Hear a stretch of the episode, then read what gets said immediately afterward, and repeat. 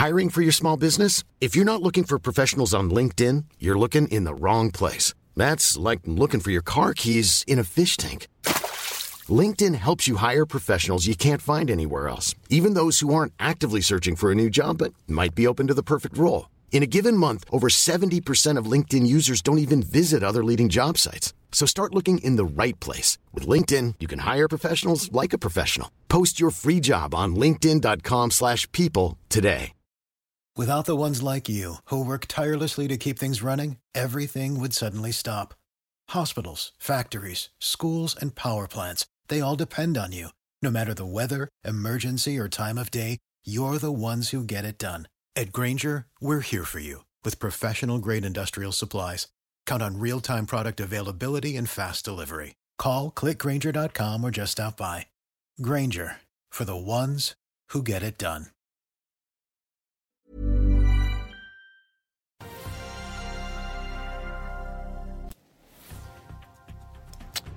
Det har vært spekulert i og varslet eh, for så vidt lenge, men nå skjer det altså. Telenor selger seg ned i fiberselskapet sitt og realiserer milliardverdier som de skal drysse over aksjonærene i form av tilbakekjøp. Det har kommet flere resultatvarsler fra Wall Street, og vi skal oppsummere en krevende uke for luftfarten med flyanalytiker Hans Jørgen Elnes. Det er fredag 7. oktober. Velkommen til Børsmorgen.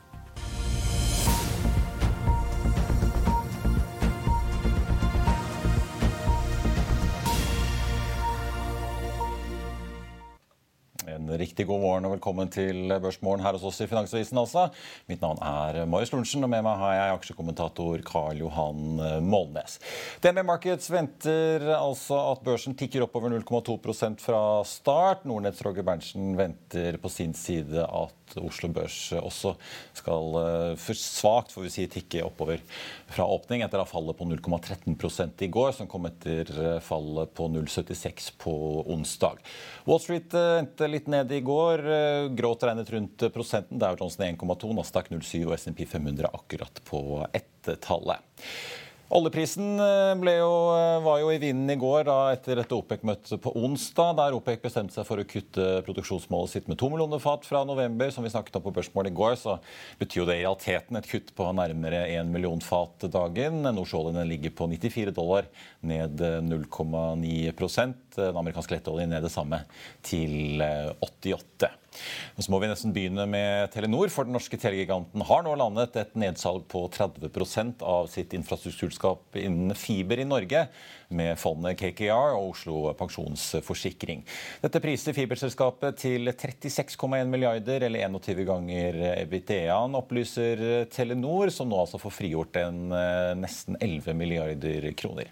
Telenor skriver at de nå planlegger å gjennomføre et program for tilbakekjøp av aksjer for å kompensere kontantstrømmen som tilfaller de nye minoritetseierne etter transaksjonen. Styret i Telenor vil derfor be generalforsamlingen om en fullmakt til å gjennomføre et tilbakekjøp for rundt 30% av mottatt transaksjonsvederlag. Og denne nyheten kommer dagen etter at Telenor falt under 100 kroner for første gang på Oslo Børs siden 25.07.2012. Aksjen gikk jo eks utbytte da på 4 kroner og 30, men aksjen falt 5,92, så den hadde jo gått under 100 også uten dette. Så får vi jo da se reaksjonen når børsen nå åpner klokken 9. Fiberselskapet som Telenor nå skal spinne ut av Telenor Norge, når 560 000 husstander og har 130 000 km med fiberkabler rundt i dette landet. Og det at delselskapene selger seg ned i infrastruktur er jo en trend vi har sett særlig da rundt i Europa. Og det er også trolig mer i vente hos Telenor. For før Telenor begynte å snakke om fiberen sin, så var de allerede i gang med å skille ut den såkalte tårnvirksomheten i Norge og Norden. Altså mobilmastene som, hvor man da har basestasjoner på mobilnettet installert. Der er konkurrenten Telia allerede godt i gang. De fikk inn 7,9 milliarder svenske kroner ved å selge ut halvparten av den norske og finske tårnvirksomheten og 5,4 milliarder da de gjorde det samme i Sverige. Alle transaksjonene ble da gjort med Brookfield og Alekta. Og som Telia-sjef Alison Kirby sa til oss i FA i et intervju her i Oslo i april, I'm not done. Carnegie kutter kursmålene fra 135 til 121 kroner på Athea, men gjentar en kjøpsanbefaling. Den aksjen ble sist omsatt for 103 kroner og 40, ned 35% så langt i år. Så har det kommet melding fra Rana Gruber De produserte 1273 millioner tonn malm i tredje kvartal i år, fra 1204 i andre kvartal. Aksjen har falt eh, kraftig siden april og ble sist handlet eh, til 40 kroner og 45. Og eh, da, siden april så har også jernbaneprisene falt rundt 40 da, fra toppen i 2021. Er prisene nå mer enn halvert. Og vi må også kjapt innom Hydro. Ved de fire siste resesjonene i USA så har eh, aluminiumsprisene falt til under 1500 dollar per tonn, skriver det med Markets i morgenrapporten sin. Megler USA for øvrig en salgsanbefaling på Hydro, og prisen er nå på 2328. Da Karl Johan, skal vi kaste oss over litt eh, resultatvarsler, men vi må også ta med at vi får en nykommer på børsen i dag. Eh, Jon Fredriksens landriggselskap Noram Drilling skal på Aronex Growth. Ja, det er eh, Permian Drilling, var det ikke det? De skulle Ja, De har kontrakter med bl.a. ConocoPhillips, som ja. Eh, styreleder Ole Hjertaker kunne fortelle oss her eh, om dagen. Ja, og det er interessant. Og nå ser vi at USA åpner opp for at Venezuela også skal få komme inn i det gode selskapet og få lov til å begynne å selge olje til USA, hvis de bare kan begynne å holde frie valg. Så det er jo et nytt, nytt lite utspill som man må følge med på. Det er mye som skjer nå. Ja, eh, jeg tenkte Vi må snakke disse resultatvarslene òg, da. Eh, altså AMD, brikkeprodusenten, varsler altså inntekter på 5,6 milliarder dollar i tredje kvartal, ned en milliard fra hva de forventet tidligere. Det er ganske saftig nedgradering? Ikke det? Ja, det er store valutaendringer også. Så Du så aksjen var umiddelbart da ned 4-5% men den endte jo omtrent flatt. altså da kjører du sånne memes da med hun Taylor Swift og Shake It Off spiller alle disse bulls. Men vi er i et bear market rally, og det betyr at det skal veldig mye til for å, å robotene kommer til å presse dette oppover. og eh, Nå hadde vi en forferdelig måned i september, og denne måneden her fram til valget så er liksom the plunge protection team er på plass. som Må passe på at børsen ikke stuper før, eh, før valget i november. Så stemningen de kommer til å prøve å presse det opp, da, opp mot 3009-4000 og se hvor langt opp de klarer å presse det, før realitetene begynner å, å, slå inn. Og det er klart De tallene som kommer på arbeidsledighet også, Mest sannsynlig ikke noen store endringer. 3,7. Vi får jo de non-farm payrolls, ja. altså sysselsettingstallene fra USA 14.30 i dag. Ja, 3,7% forventa. Og det er jo ikke så Det er jo veldig lav arbeidsledighet. Og, og nye jobber forventet med 275 000. Det er selv om at det Litt ned fra august på 312, så vidt jeg husker. Men, men, det er ingenting i disse tallene her som vil kunne Vi er ikke i den fasen hvor at arbeidsledighetstallet arbeidsledighetstallene kommer til å påvirke markedet. Det er veldig overraskende. Det er Eh, det er inflasjonstall neste uke, men, men, heller ikke det tror jeg kommer til å få noen store utslag. For det at det er inflasjonen er, det tar tid å få den ned. og det, Jeg tror det denne måneden her så uh, har man en, en, periode hvor at man er i et bear market rally. og Det er jo det som jeg snakker om, det er som festen etter midnatt. Det serveres brunt brennevin, du blir dratt med på festen, du bruker det neste dag, og alt er trivelig. Og så våkner man opp i november, og så er det, er det full fart i Det er liksom, det er rulletrappen opp, og så er det heisen rett ned igjen i november. Eh, tiårsretten i USA eh, har jo tikket litt oppover igjen. Den var jo over fire, så var den plutselig ned på 3,6, og så er den på en 3,81. Så det er jo ganske store svingninger fortsatt. da. Ja, ja og eh, det vi får se. Det er inflasjonstallene neste uke som er viktigst. Eh. Det er det big deal. Men det er ikke bare AMD som har kommet med resultatvarsel. Eh, flere i elektronikkbransjen hvis jeg kan kalle det, har gjort det. Samsung? Ja, Samsung også. Men der også aksjen flat. Jeg har ikke fått sett på detaljene, men det var svake tall eh, etter det jeg forstår. Ja, Det var resultatene de guidet ned på. Vi må også innom holdt jeg på å si, skog og industri. Det er blitt gjort litt kalkyler nå etter budsjettet på både Norske Skog og Hydro. Eh, i kjølvannet av eh, budsjettet, da særlig med denne CO2-kompensasjonsordningen. Det ser ut som det blir dyrt for Norske Skog? Ja, du ser aksjene ned med 8% her nå. De, eh, det er vel det, om det er noen som har regnet seg fram til 140 millioner mindre i CO2-kompensasjon, eller om det er selskapet sjøl, er jeg ikke sikker på. Men det, det er iallfall det som det tallet jeg har sett. da. Men det er på månedrapporter i dag. Ja, det svir jo litt. Jeg ser Hydro skriver i hvert fall en melding at de men det er jo da denne grunnrenteskatten som de regner med da blir på 250-300 millioner kroner for 2022. Eh, og at eh, CO2-kompensasjonen vil ende på 2,2-2,3 milliarder kroner for året 2022. Da, så de får jo en god ekstraregning på mm, kraftskatten nå. Ja. ja. Men uh, Hydro er et voksent selskap. Det, det, renner godt inn med penger med disse her kraftprisene. her. Ja, jeg ser uh, Hydro ligger omtrent i null nå. Telenor imidlertid tikker oppover 3,4% på nyheten om at de skal selge seg ned i dette fiberselskapet sitt i Norge. Og som jeg var inne på, eh, Mer kan vi forvente, for det har de vært ganske tydelige på at det kommer. Så da kommer det kanskje også noen tårntransaksjoner i Norge eller Norden en eller annen gang i fremtiden. Vi skal ta inn dagens gjest, men skal ha en kort reklamepause. Vi er straks tilbake. La oss i Finansavisen hjelpe deg med å holde deg oppdatert på alt som skjer i finans og næringsliv. Hver morgen er jeg, Marius Lorentzen, og aksjekommentator Karl Johan Målnes på plass i studio for å ta tempen på dagens marked i Børsmorgen. På ettermiddagen oppsummerer vi alt du trenger å vite i økonominyhetene, og så får vi selvfølgelig besøk av masse interessante gjester. Du finner oss på fa.no-tv, eller ved å søke opp Børsmorgen og Økonominyhetene der du hører på podkast.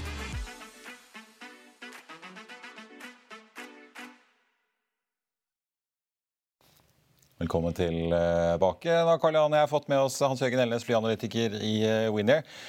Hans Jørgen, eh, vi ventet at det skulle bli en hektisk flyuke med masse trafikktall eh, fra både Norwegian Flyr og ikke minst SAS, som kommer da som sistemann ut her klokken 11 i dag. Men det ble jo et ordentlig maraton. Ikke bare har SAS annonsert at de har fått på plass det var vel leasingselskapet, men de litt mindre leasingselskapene, var det ikke det, Karl Johan?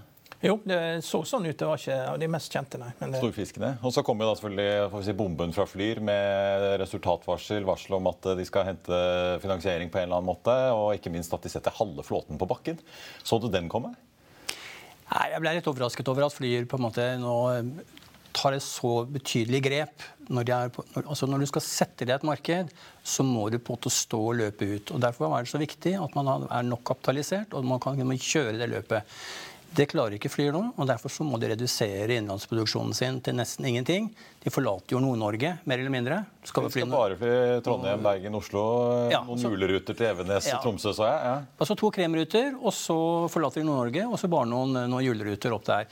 Og så blir det da, som eh, Karl Johan nevnte her tidligere i uken, nesten som et charterselskap Man flyr fly til um, hyggelige destinasjoner rundt Middelhavet og noen storbyer i Europa. Så det blir en, en voldsom nedskalering, og det, det, det, er tøft for et selskap som skal bygge seg opp når de må nedskalere så fort. Og det gir jo, åpner opp for Norwegian og SAS til at de nå eh, kan ta ut faktisk eh, litt mer i pris. Som de nok trenger begge to her inn mot det tunge fjerde kvartal og første kvartal i år. Nå ser jeg Flyraksjen er bitte litt opp i dag, så de får seg et lite pusterom etter fallet på nesten 23% på onsdag, 3-2,5 i går. Men si litt om formuleringene. for jeg har lagt litt merke til, Hvis du leser av trafikkrapporten som kom fra Widerøe denne uken, så snakker de også om at ja, vi hadde passasjerrekord i september, men eh, vi forventer en ganske tøff vinter. Flyprisen i Europa opp 10% Det er ikke den trenden vi ser i Norge. Flyr snakker jo egentlig også om at det norske innenriksmarkedet er veldig presset nå. Så så jeg trafikktallene fra Norwegian i går.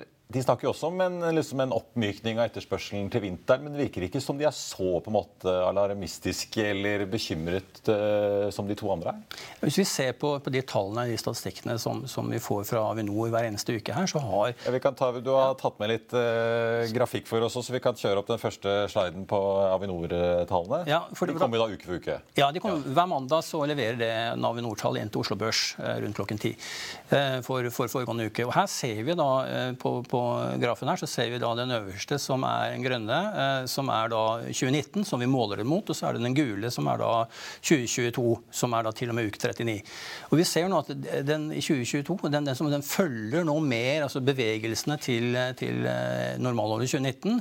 Og så ligger da innenlands ca. 8% under eh, 2019, mens utenlands ligger um, 18-19% Så du kan si at Så trafikken er egentlig ikke så gæren? Ikke så ille på trafikken. Men, men, du kan se det som har skjedd nå etter sommeren, så har eh, SAS og Norwegian og Flyr flyttet kapasiteten hjem til innenlandsmarkedet, den som de har fløyet ut i Europa med. og Dermed så ble det et voldsomt overskudd av seter. og Det har vi også sett da, her i august og i september. så har det vært spesielt september, mye lave priser ute og går. Uh, og det, mm, det, er jo ikke gunstig uh, i utgangspunktet for selskapene nå. Men er det, Flyr var ganske åpne på at de har vært for trege med å komme seg inn med reisebyråene, som eh, til manges overraskelse kanskje egentlig er veldig viktig, særlig for da forretningsmarkedet, åpenbart. Det er ikke så mange som sitter og booker direkte selv eh, på Norwegian eller Flyr eller SAS.no. Nei, altså Innenlands er litt Har de, liksom, har de bommet på litt sånn elementære ting i starten? Altså Hvis vi skal ta en short case på, på, på Flyr, kan du si det sånn at sånn som jeg ser det, så, så startet de et fragmentert rutenett. De, de, hadde ikke tunge ruter, altså tunge frekvenser på de viktige rutene Oslo, Stavanger, Bergen og Trondheim. De spredde rutenettet sitt spesielt opp til Nord-Norge, Bodø og Tromsø. Eh, og, og, litt for få avganger. Men så kan du på andre si at det er ikke så lett alltid å få slotts. da. Altså landing- og avgangsrettigheter fra Oslo Gardermoen til på morgenen og ettermiddagen hvor de fleste skal reise. slik at fly måtte time, alle skal til Vigra og Flesland. Ja. ja. så, så det, det, har vært, eh, det har ikke vært så bra for de, Og så har de jo brukt pris som våpen hele tiden. Eh, det, det norske markedet er ikke nødvendigvis avhengig av at du har den laveste prisen for å få selge en, en, en fly, flysette fra A til B. Det kom forresten en, en, undersøkelse fra If eh, her i går som viser at de har gjort det samme i Hugo, at nordmenn velger altså trygghet eh, og regularitet og sånne ting fremfor pris på fly. Det er en splitter ny undersøkelse på det. Og Der tror jeg også Flyr har bomma litt. De har også vært prispresseren i, i markedet. Og lagt for å fylle? Ja, for å fylle. Eller komme seg inn, da. Ja. For å komme seg inn, Men kanskje ikke det har vært nødvendig, for da har de trukket Norwegian med seg, og SAS til dels. Hadde de heller kanskje lagt prisene et par hundre kroner høyere, så tror jeg kanskje at Norwegian og de andre hadde på en måte holdt eh, gulvet der oppe. Så det, det, er lett å si at vi skal inn med lave priser fordi at vi har lave kostnader. Men så kommer denne som vi skal se på etterpå, denne fuel komponenten, som normalt eh, er 20-25 av selskapet, totale kostnader, det er nå mellom 40 og 50% Det kunne dere ikke forutse. Nå, nå har de jo hyret inn tre meglerhus. To av dem er jo de som faktisk dekker flyr, så vi har jo ingen analytikere som faktisk kan snakke fritt om uh, flyr om dagen. Hva tror dere fly skal gjøre da? Blir det en emisjon? De er litt sånn diffuse på de trenger mer likviditet og Rytin og meglerhus. Det... Nei, de er, de er, veldig klare på at de ser på alle alternativ. og Da blir det dialog med investorene. hva de vil finne ut. Men, det, men det, det, er klart når du går ut med, med mobilstrategi, så tiltrekker jo det unge kunder. Og eh, de er jo flinke til å bruke pris til å så det, det, det, følger jo litt av den mobile strategien. Nå har jeg begynt å selge gjennom reisebyråer, men det, eh, ja, og så hadde de nok regna med at, en av de, at Norwegian skulle bli borte eh, når de lanserte dette. her, og Det ble de ikke. og Nå ser ikke ut til SAS heller blir borte. og Det er jo et problem. Ja, det er klart at verken... Og så er Widerøe ganske sterke på Flesland. altså De har også overraskende stor markedsandel der, så det er kanskje egentlig ikke så mye plass ja, De har bygd seg på Flesland, og de også bygger seg opp sant, på, i Trondheim. Og så får vi etter hvert SAS, uh, SAS, Link. De uh, skal jo tenke litt uh, videre i hodet sitt. Og, og, litt tilbake igjen til det du snakket om distribusjonssystemer og dette med å selge gjennom reisebyråer. Men Innenlands i Norge så er mesteparten av den trafikken, eller de som reiser der, de, de booker ofte selv. Eller så har bedriftene da har selskapsavtaler med de store reisebyråkjedene.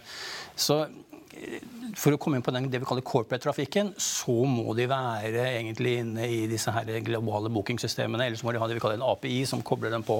Men Flyr de skulle også gjøre mye nytt. De skulle gjøre sin ting og, lage et nytt type selskap. Kanskje man må, må vurdere det. Må man liksom finne opp hjulet på nytt, eller skal man bruke det etablerte som funker i Norge, som er et veldig kan du si, advanced marked når det gjelder dette med å gjøre bokflybestillinger. Vi kan dette her, vi trenger egentlig ikke noe nytt. Så ja, det er en del ting. Jo, da de kom inn på Finn reise òg, det var jo heller ikke fra start. Da de kom inn, snakket de om at det var veldig positivt for salget. Så det var jo åpenbart at de merket eh, plattformeffekten av å ikke bare selge direkte selv? da? Ja, nei, Du må være der. Du må være ute i distribusjonssystemene dine. Du må vise deg i alle sånne metasearch og alt mulig sånn, slik at folk kan, kan få se hvor er du hen. Og så velger de da om de vil booke og konvertere, da, som de gjør på finn.no, hvor du går og kikker. Og så, så når du ender ut til slutt hos flyselskapet og konverterer til en booking. Tror du det er en oppkjøpscase flyr, eller hva tror du kommer ut av den eh, finansielle prosessen som de er? En ting er den praktiske liksom, med å permittere og sette fly på bakken og, og ta ned produksjonen, men uh, hva tror du finansdirektør Brede Huser og styrelederen eh, vurderer av alternativer nå? Nei, så hvis, skal, hvis vi skal se på hva, hva, hvilke assets er det Flyr har altså, De har eh, tolv fly som har ganske bra leasingavtaler. Så De leasingavtalene som Flyr gikk inn, det gjorde de liksom på på en periode når pandemien var på en måte der, og, og var fremdeles interessert i liksom, å gjøre good deals. Det har de. Bortsett fra at de har ikke sånn power by the hour, slik at de må betale. Ja, for Det har Norwegian fortsatt fått? Uh, det, har, det klarte Norwegian å få til. Ja. Det har ikke, det har ikke flyer. Så disse flyene de har en verdi. Og hvorfor det? Jo, fordi at verken Airbus eller Boeing klarer å levere Eh, det produksjonen og de flyene du skal levere i 2023. Så det, hvis noen vil bygge seg på å ha de flyene de skal ha før sommersesongen neste år begynner, så kan det være interessert å se på flyene til Flyr.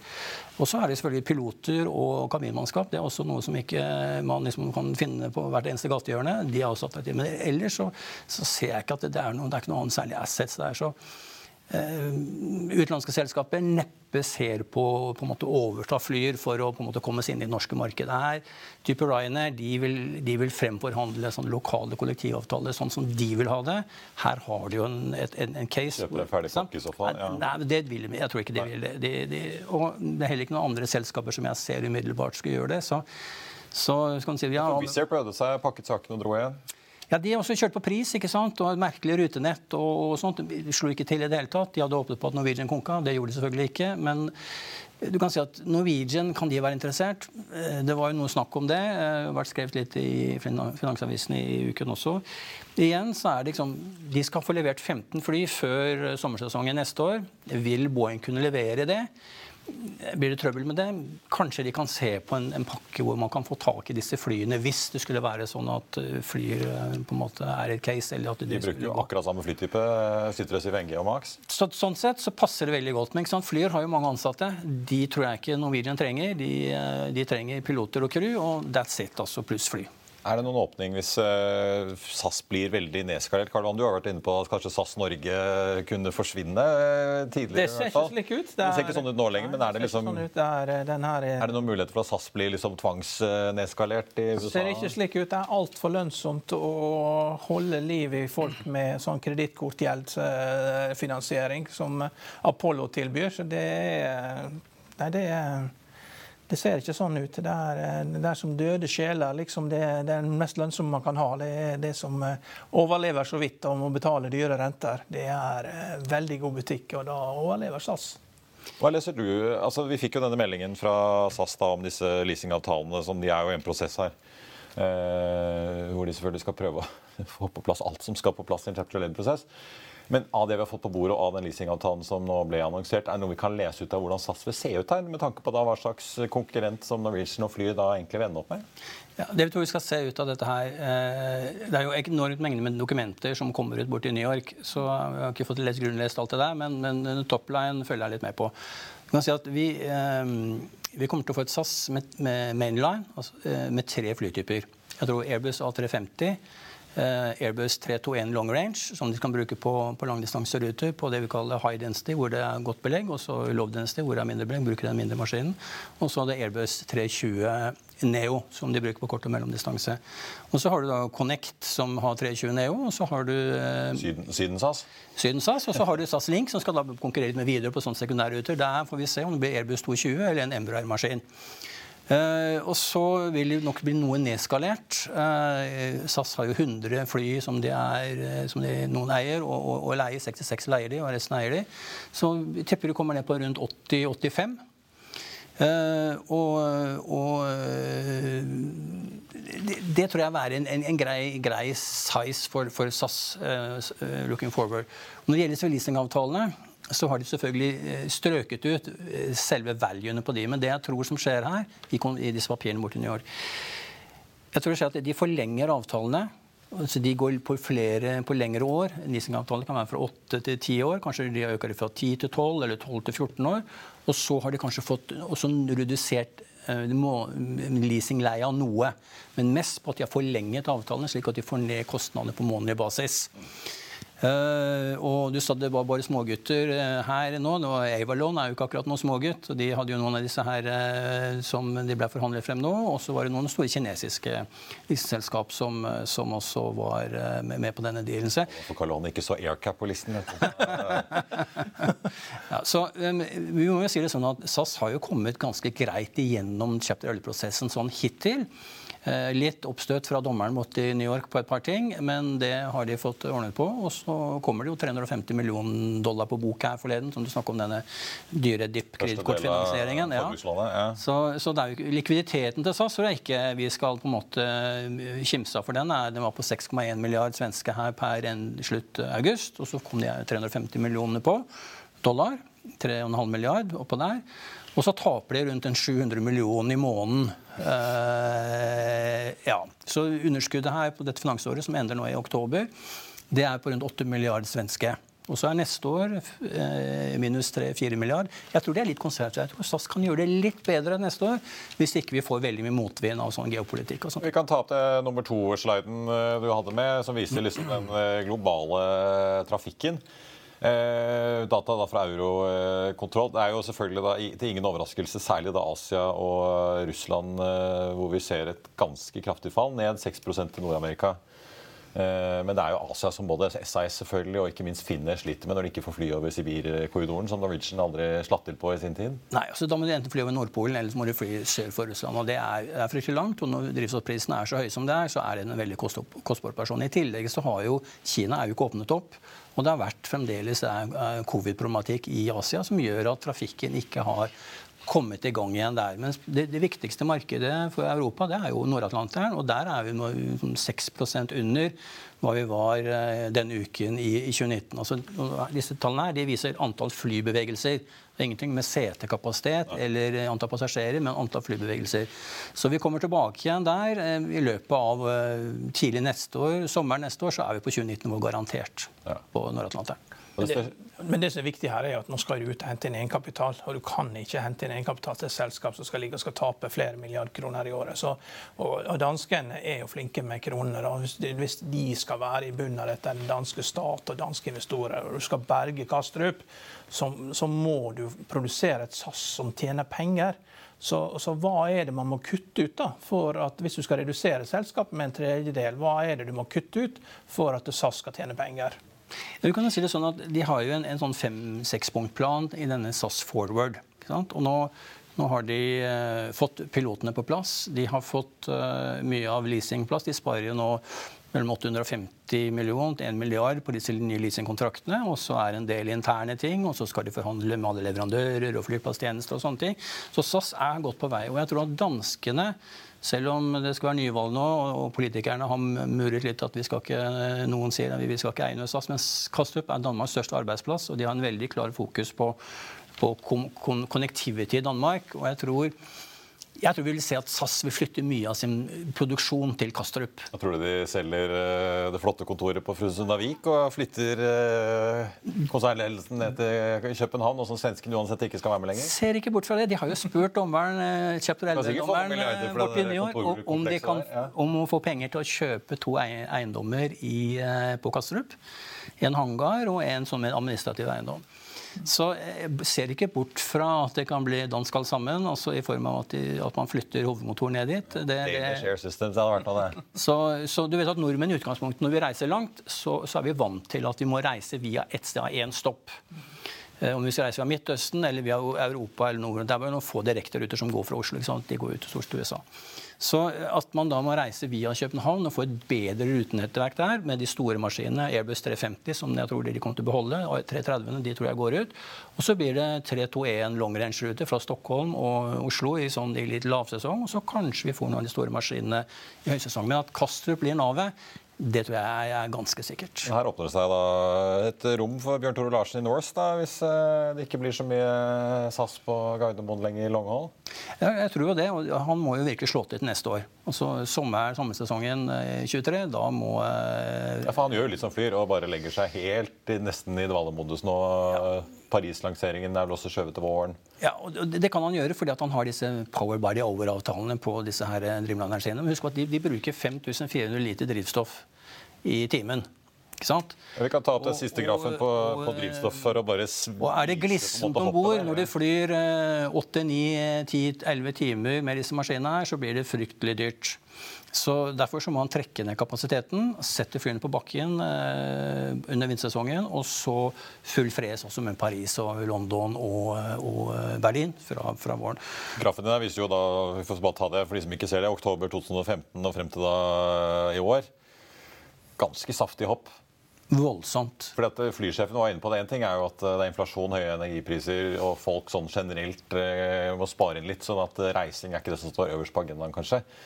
Men uh, i regnskapet så treffer de jo ikke bare på inntektssiden, de treffes jo også på utgiftssiden eh, av dette drivstoffet. Er det noen tegn til lettelse, eller hvor, mye svir dette for Q3-tallene? Vi har jo sett på en måte milliarden hos Norwegian i, i Q2-rapporten. Ja, Hvis vi ser kort med, med drivstoff her, da, kan vi si at nå er den rundt 120 dollar eh, fatet for jetfuel. Og den har vært oppe i 175 i, i år. Og, og eh, nå skal OPEC stenge kranene litt. Hva betyr det? Vil det sette press på, på det vi kaller den raffinerte jetfuelen? Om, om den kommer til å øke enda mer mot vinteren? Det skal vi ikke se bort fra. Eh, og du kan si at For et flyselskap normalt så ligger en drivstoffkostnad på mellom 20-25 av de totale driftskostnadene. Nå ligger det mellom 40 og 50% Og Hvis vi kikker litt på Q3-tall for, som jeg regner på for Flyr og Norwegian, så kan du si at Flyr har en gjennomsnittlig enhetsinntekt per, per setekilometer, tilgjengelig setekilometer. Altså ett sete, én kilometer, alltid flyr. Uansett om passasjerer ligger på 0,52 øre. Eh, Norwegian har et tilsvarende på Q3 på 77 øre. Men så kommer da denne kostnaden, altså enhetskostnaden per tilgjengelig setekilometer, inklusiv fuel. Den var på, hvis jeg husker på Flyr, sånn rundt 77 øre her i Q2. Så vi, tipper jeg at de har fått den kanskje litt ned, rundt 0,70. Så ser vi at det er en spredd der på 18 øre per flydde setekilometer. Mens Norwegian har tilsvarende. De har 0,68 i, i, i, dette. her, Og dermed så 0,77 i inntekter og 0,68 i utgifter. Så de har en 12 øre eller 11 øre, 9, 9 øre i overskudd. Dermed så tror jeg Norwegian kommer et sted mellom 650 og 700 millioner på EBITAR-nivå i pluss. Flyr, der må vi to, mellom 150 og 200 millioner, litt avhengig minus. Litt avhengig av hvor mye de har i ancillary-inntekter. Men det er basert på at de har en, da, en kostnad inklusiv fuel på rundt 70 øre per setekilometer. Hvis den øker, så blir resultatet svakere for, for begge to. Men Norwegian med pluss uansett. Power by the hour er jo veldig bra. På grunn av juli. Juli var måneden som reddet altså, Norwegian var der penger, ellers har de tatt penger både i august og september. Og Flyr har tatt lite i juli, men tatt mer i august og i september. Ja. Vi er så langt i nord vet du, at du får enorme sesongsvinger. Derfor sa Power by the hour enorm verdi eh, for Norwegian. Veldig. Og, men den type avtale får du ikke lenger, Karl Johan. Det, det er, den, er, den døra er lukka. Ja. Både Geir Karlsen og Bjørn Tore Larsen er glad for at de sitter på det? Det tror jeg. Hans Jørgen Ilnes, flyanalytiker, takk for at du var med oss. God helg når den tid kommer, så skal vi følge med da selvfølgelig hva som kommer fra Flyr. Karl Johan, vi må ta med på tampen litt nyheter også fra den store verden. Vi får ta Credit Suisse, da, som jo har vært i vinden. Ja, de fikk ny CFO på mandag. og Det er jo akkurat samme som når du går til han i luksusfellen. Liksom, hvordan skal du rydde opp i lånene Algeir, Ja. ja og, og, da sier de at du må jo nedbetale de dyreste lånene først. og så må du, for da går jo credit default swaps-prisen ned. Altså det de har gjort da, de har solgt et hotell for 3 milliarder var det sveitserfranc eller var det dollar. og De pengene går jo da til å nedbetale dyreste lån. og Da går jo credit default swap-prisen ned. ikke sant? Og det er Akkurat det samme gjorde han i Deutsche Bank. Han, han er gjeldsspesialist. Det, er liksom, ja, det virker som at de andre liksom, de klarer ikke å forhandle seg ut en papirpose engang. 'Oi, dette her var vanskelig. Du har nedbetalt de dyreste lånene.' For en overraskelse. Hvorfor har jeg ikke tenkt på det liksom før? så det er greit å ha litt fagfolk på plass. og Jeg tror nok de som shorter aksjen, er litt redd for at han kan rydde opp. For banker har jo, har jo utrolig fleksibilitet til å klare å rydde opp. Og Hvis du bare slutter å tape penger, så er jo innskyterne i Credit Suisse de er jo de mest lojale i hele verden. De flytter jo ikke noe sted. Så du kan jo, eh, Hvis renten bare går nok opp, så tjener jo de masse penger, de, så du må bare komme på andre sida. Trygg eh, kundebase. Ja. Takk skal du ha, Karl-Land. På tampen tenkte jeg bare å ta med Barclays eh, kutter kursmålet på Movi og Lerøy. Tar de altså Unnskyld, Movi på 2,30 til 1,98, opprettholder hold. Aksjen ble sist omsatt for 138. På Lerøy så tar Barclays og, tar, og kutter fra 60 til 40 kroner og gjentar en salgsanbefaling. Den endte i går på 41,28. Så får vi også ta med Tomra ned 1,8 til i dag, men de falt jo hele da 11,8 i går på da to analyser fra Carnegie og Pareto. Eh, og Carnegie-analytiker Fabian Jørgensen sier jo da at vi tror det kommer flere negative estimatendringer fra gjenvinningsselskapet. Standard Supply kom med melding i dag om at de hadde en utnyttelse av flåten på 96% i september og en effektiv time charter-ekvivalent inntjening på 15 700 dollar per dag. Helt på tappen må vi bare innom en av de store vinnerne i hvert fall på listen over de mest omsatte er jo da Telenor, etter meldingen om at de selger seg ned i det norske fiberselskapet. Aksjene opp 3,7 De har jo også da signalisert at det her kommer et tilbakekjøpsprogram eh, for en del av disse milliardene. SalMar eh, ligger også inne tredje mest omsatt, ned 4% En aksje som virkelig har slitt. DNB Markets tok jo ned anbefalingen sin på den aksjen tidligere i uken. Equinor har kommet med litt eh, hint til analytikerne i forkant av konsensusinnhentelsen sin hvor de sier litt om prisene de får, eh, fikk i kvartalet for olje og gass eh, bl.a. Aksjer ned en halv prosent. Aker BP også ned omtrent det samme, på en oljepris på 94-54 i spotmarkedet på Nordsjøolje, ned 0,4% og så får vi også bare ta med da rundt oss i Europa også jevnt over rødt, men eh, litt mer forsiktige nedganger. Hovedeksen på Oslo Børs ned 0,2 og Det var børsmålen for denne fredag 7. oktober. Husk å få med deg Økonominyhetene klokken 13.30 nå som det er fredag. Da får vi besøk av den nye sjefen i Kongsberg Maritim. I mellomtiden så får du siste nytt på FA1 gjennom hele dagen. Vi ønsker deg en riktig god dag videre. Takk for nå.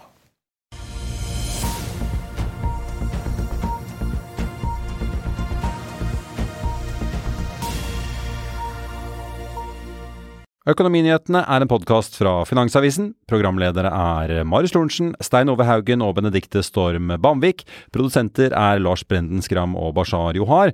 Og ansvarlig redaktør er Trygve Hegnar.